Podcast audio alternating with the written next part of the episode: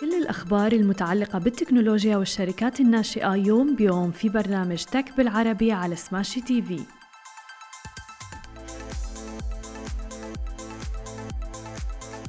صباح الخير واهلا بيكم في حلقة جديدة من Tech بالعربي. صباح الخير يا أمان صباح النور يا نان. أخبار ال weekend إيه؟ كان لطيف والله weekend هادي. انت عملتي إيه في ال weekend؟ والله كان حلو بس كنت مشغولة قوي بأخبار إيلون ماسك. يعني إحنا كلنا عارفين إن هو خلاص يوم الخميس اللي فات استحوذ بشكل رسمي على تويتر. فكنت عمالة بقى أتابع الأخبار وكان في updates كتيرة ظهرت. حصل إيه؟ لو تدينا كده updates ملخص ليها.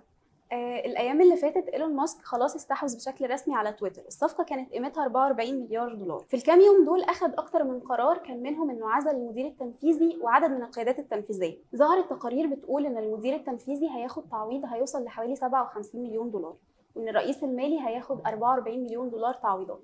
في وسط كل الأخبار دي بقى انتشرت صور لمجموعة ناس واقفة ماسكة صناديق قدام المبنى.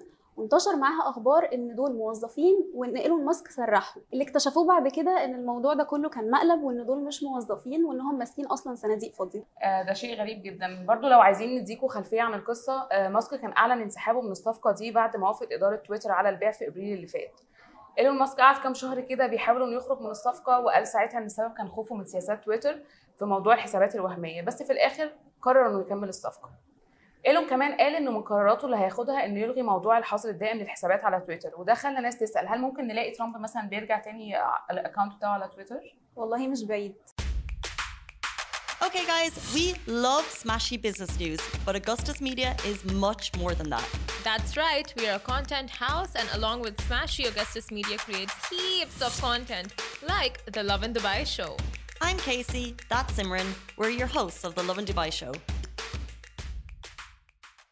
الخبر الثاني معانا عن شركة سويفل. مصطفى قنديل الرئيس التنفيذي لسويفل صرح إنه واثق من تحقيق الشركة للربحيه في 2023 وده هيكون بدعم من نشاطها في أغلب الدول اللي الشركة بتعمل فيها. في شهر يوليو اللي فات توقعت سويفل إن خسائرها توصل ل 90 مليون دولار السنة دي من 50 مليون في 2021 ووقتها الشركة قالت إنها هتعمل على خفض العمالة وإيقاف بعض الرحلات اللي فيها خسائر في مصر والأردن وكينيا.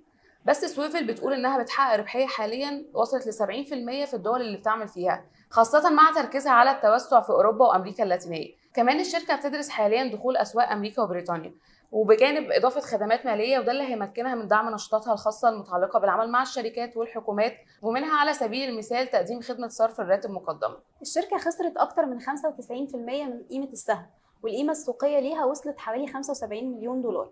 ده بعد ما عدت مليار ونص وقت طرحها في بورصة ناسداك في يوليو 2021 وده اللي خلاها مهددة بالشطب ناسداك ليها شروط وبتستبعد الشركات غير القادرة على تحقيق الربحية وبتديها 180 يوم لإصلاح أوضاعها مع إمكانية التمديد لفترة مماثلة قبل ما يتم شطبها نهائيا في حالة التعثر. آه، بمناسبة الشركات اللي في أمريكا شركة كلاسيرا السعودية لتكنولوجيا التعليم واللي مقرها الرئيسي في الولايات المتحدة حصلت على تمويل بقيمة 40 مليون دولار. بقيادة عدد من الصناديق منها سنابل للاستثمار جلوبال فينشرز وسكنة فينشرز وسيدرا فينشرز ومستثمرين ملائكيين.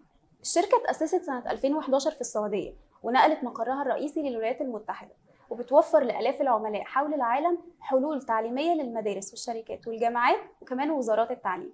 وآخر خبر كمان معانا من السعودية الصندوق السيادي السعودي أعلن إنه هيأسس شركة سوق الكربون الإقليمية واللي هتمتلك مجموعة تداول السعودية القابضه 20% منها.